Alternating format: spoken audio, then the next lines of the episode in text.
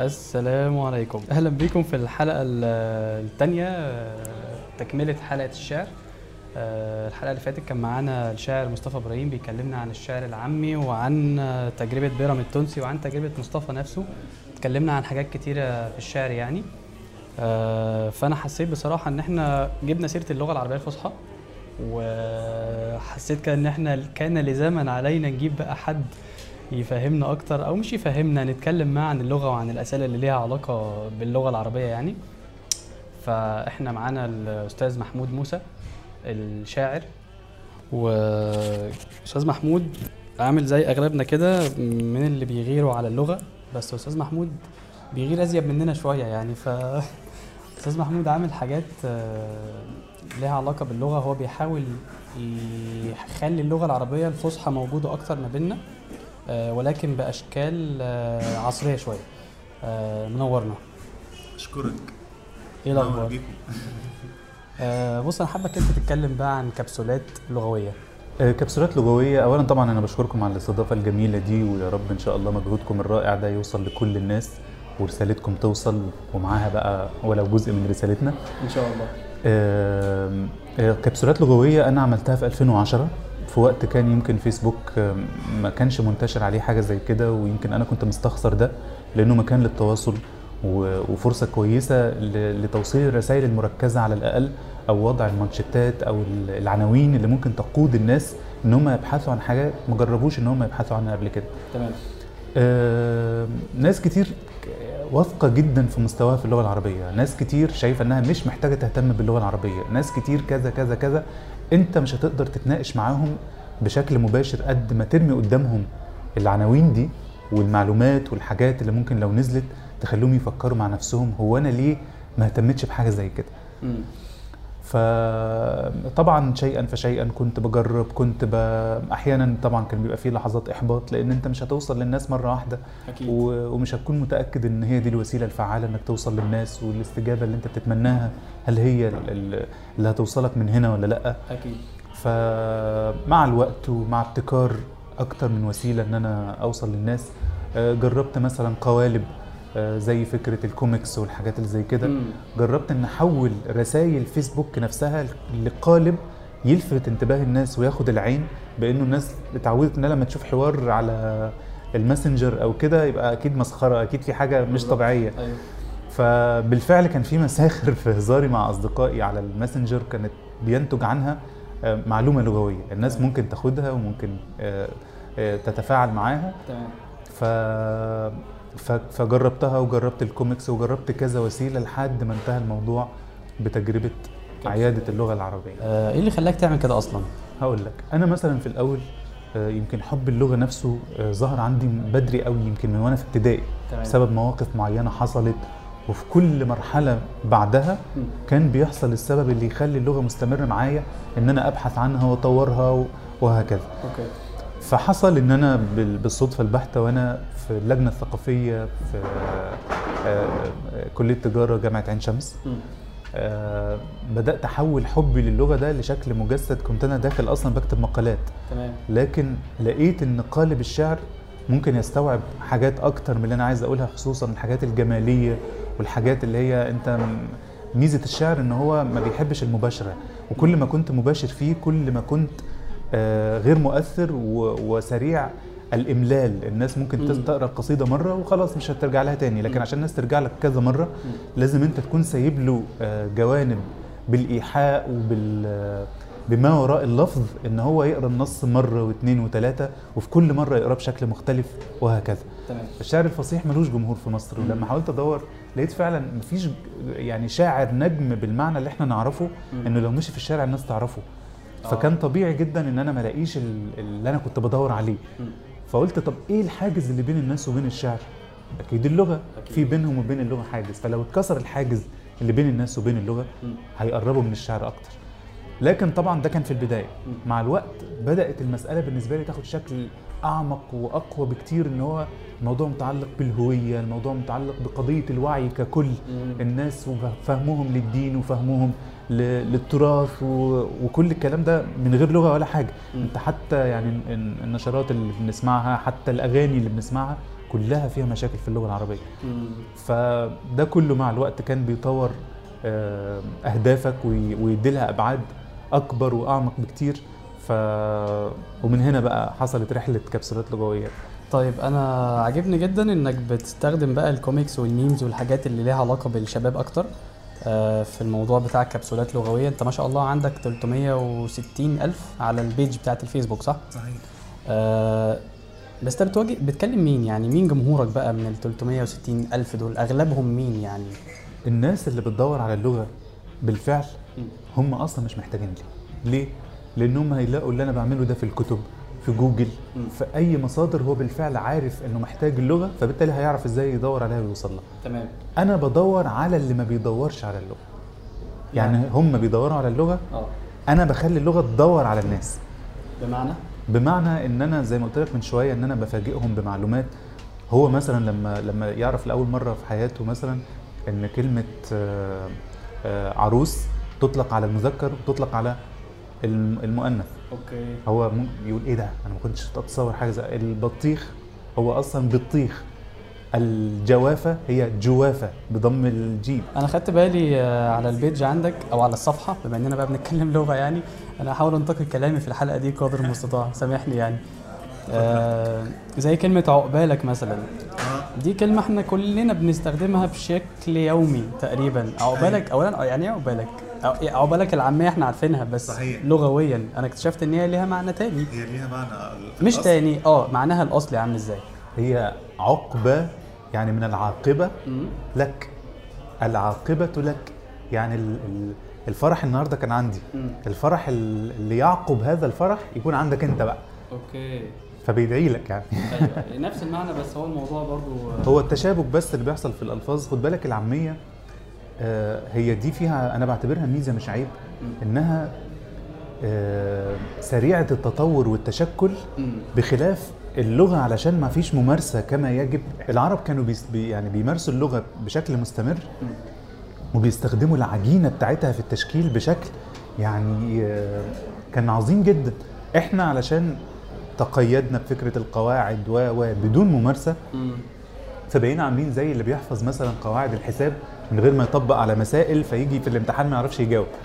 هي دي فكرة إننا نتشبث جدا بفكرة إن احفظ القاعدة احفظ القاعدة آه. فطلع أجيال ممكن تكون خريجة مثلا في أداب لغة عربية وتربية لغة عربية ودار علوم بينما صلته باللغة ضعيفة مع إنه كان ممكن لو لو السنوات اللي قضاها دي كان قضاها في شيء عملي مبني على الممارسة كان اختلف جدا لكن هو الموضوع مبني على إنه يدرس مجموعة قواعد فده ممكن تخلي إن ده يبقى مفيد لواحد بيدور على اللغة هو عارف أصلا أهمية اللغة فالمعلومات دي مكملة بالنسبة له لأن هو بياخدها وينطلق بره مم. والعاميه بتاعتنا اكمنها امتزجت بأجيال من الناس اللي وردوا على مصر. تلاقي بقى فيها من من اللغة الإيطالية واللغة الإنجليزية واللغة الفرعونية الفرعونية. والعربية وال- كله بقى والت- والتركية أو الفارسية وهكذا يعني. فتلاقي كلمة زي مثلا معلش أصلها إيه؟ ما عليه شيء. كان بيقولها القاضي وهو بيحكم بالبراءة للشخص. أوكي.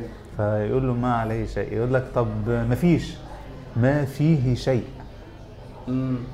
كتير بقى هتلاقي من الألفاظ بتاعتنا يعني تلاقي والموضوع هتلاقيه بديهي جدا يعني. هو أنا بس سؤالي كان في فكرة آه، سؤالي فكرة إمتى اللغة انفصلت عن الناس؟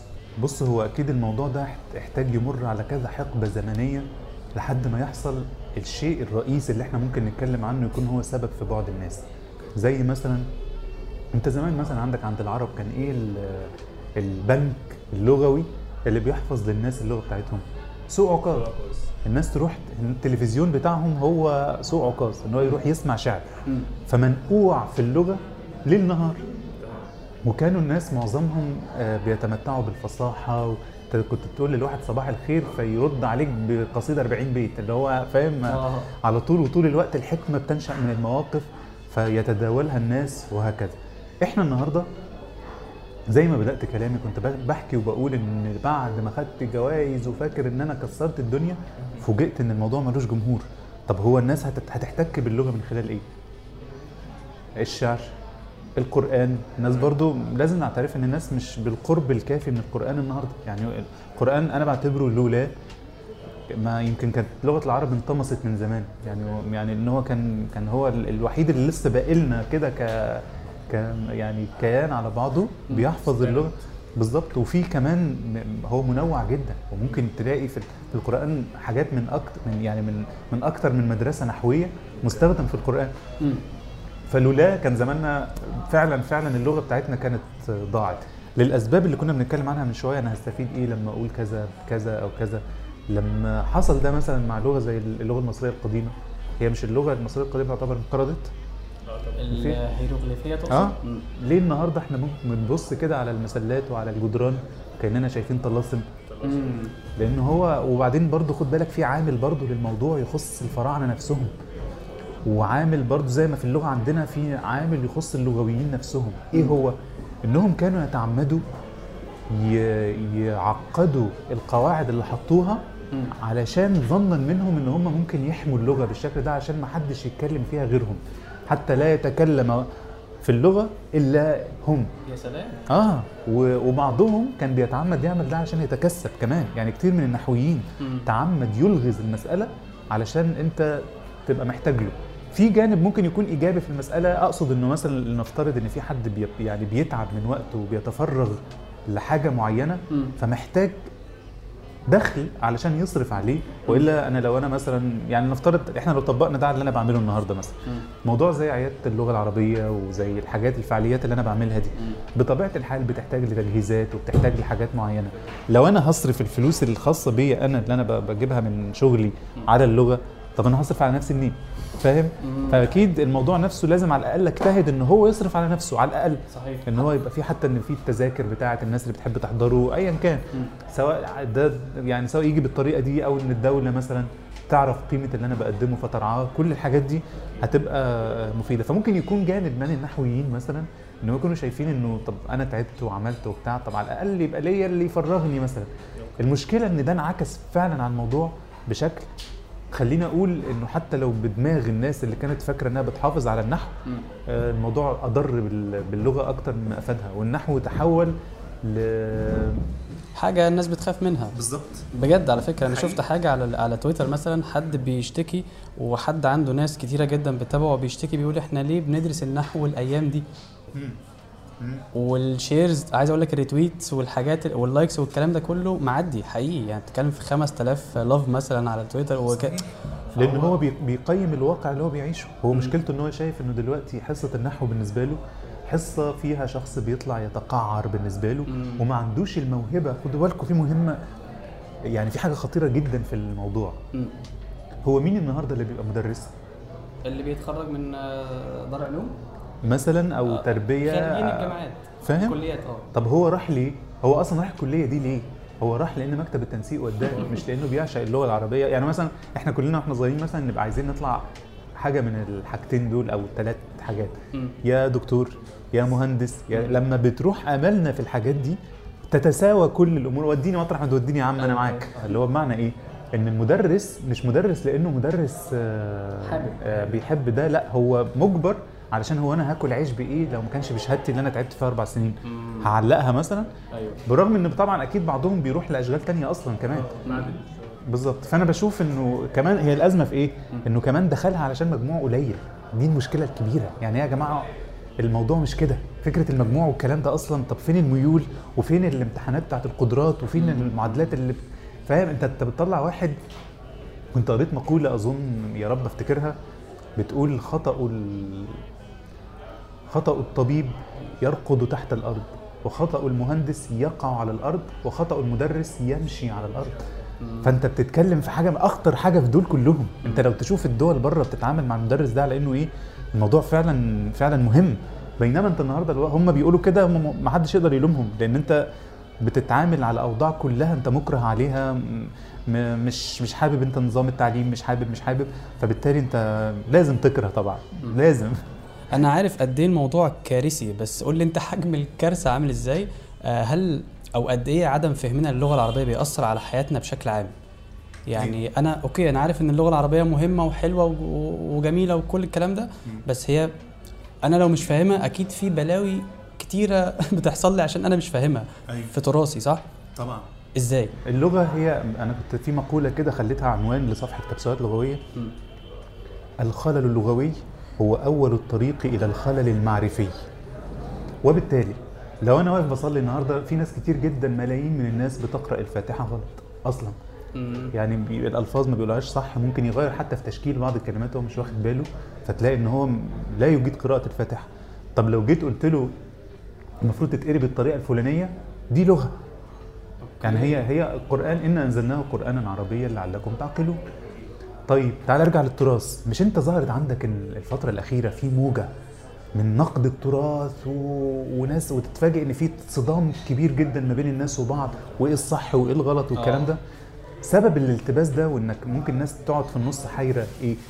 إن إحنا بعيدين عن اللغة اللي اتكتب بيها التراث ده. فممكن شخص أصلا ينقد التراث وهو مش فاهم أصلا ممكن دلالة اللفظ نفسه ما تكونش مفهومة بالنسبة له أصلا. آه آه. يعني مثلا هقول لك في مثلا لفظ يتنجس. يتنجس ده أول ما واحد يقراه أو يسمعه ممكن يظن إن شخص تصيبه النجاسة مع إنه العكس. مقص- المقصود بيتنجس إنه يبرأ من ال- النجاسة. أمال اللي, يتن... اللي بيصيبه النجاسة بنقول عليه بيقول ينجس مش يتنجس. okay. شوف فرق بقى بين الألفاظ عامل إزاي وقيس بقى عليها. حاجات كتير بقى بالمنظر ده. هقول لك فلان يتهجد. يتهجد يعني يتخلى عن الهجود اللي هو الهجود اللي هو النوم. مم. في ناس بتظن إن يتهجد الهجود اللي هو اليقظة. ما هو يتهجد هيصحى يصلي بالليل يبقى اذا يتهجد مم. بينما الهجود أصلا هو النوم. يتهجد يعني يتخلى عن الهجود يعني يتخلى عن النوم. قيس بقى. يعني خد بقى من هنا. هتلاقي ده أثر حتى على الفقه. عارف تعرف إنه حتى في تاريخ الفقهاء في فقهاء ضلوا في, في أحكامهم بسبب جهلهم باللغة وعدم معرفتهم للألفاظ. المفسرين بقى اللي كانوا منهم بقى الناس اللي هم العقر يعني دول كان لو طلب الأمر إنهم يقعدوا مع الأبيات الشعر الجاهلي عشان يعرفوا دلالة اللفظ ده بيبقى إيه فيفسروا منها القرآن مقصود منه إيه كانوا يعملوا ده. حتى لو كان البيت بقى فيه من المجون والمش عارف إيه. أهل العلم بيعرفوا إزاي يصفوا المسائل ويطلعوا بالفائدة بدون ما ي... ما, ما يتصابوا يعني أنا فاهم؟ من غير ما يتعاصوا بلغتنا يعني. فبالتالي انت لو بصرت الناس فعلا بكل القيم دي وأهميتها بالنسبة لل- للشخص الفرد لو اتعلم اللغة. هتحميه من كذا مجال أي مش أي حد هيتكلم في التراث هتصدقه مش أي حد هيتكلم في الدين هتصدقه. مش أي حد مش أي حد فتلاقي الدنيا فعلا هتفرق قوي يعني. في النهاية بنشكرك جدا جدا لوقتك. يعني. والله متشكرين جدا يعني وإن شاء الله ربنا يزيدك من اللي بتحاول تعمله عشان تفيد الناس أكتر. ما تبطلش كوميكس حتى لو كانت الناس آه، بتخبط في الصفحة بتاعتك وعايزة تقفلها لك. فمتشكرين جدا جدا يعني ورب تكون اتبسطت بالقعدة معانا. طبعا يعني انبسطت جدا وسعيد بالفرصة السعيدة دي وإن شاء الله نكررها وإن شاء الله تقول لنا أنتوا بقى تنورونا لما تنفرج الغمة بتاعت السيد كورونا أفندي. وبجد بشكركم على الحلقة الممتعة الجميلة دي.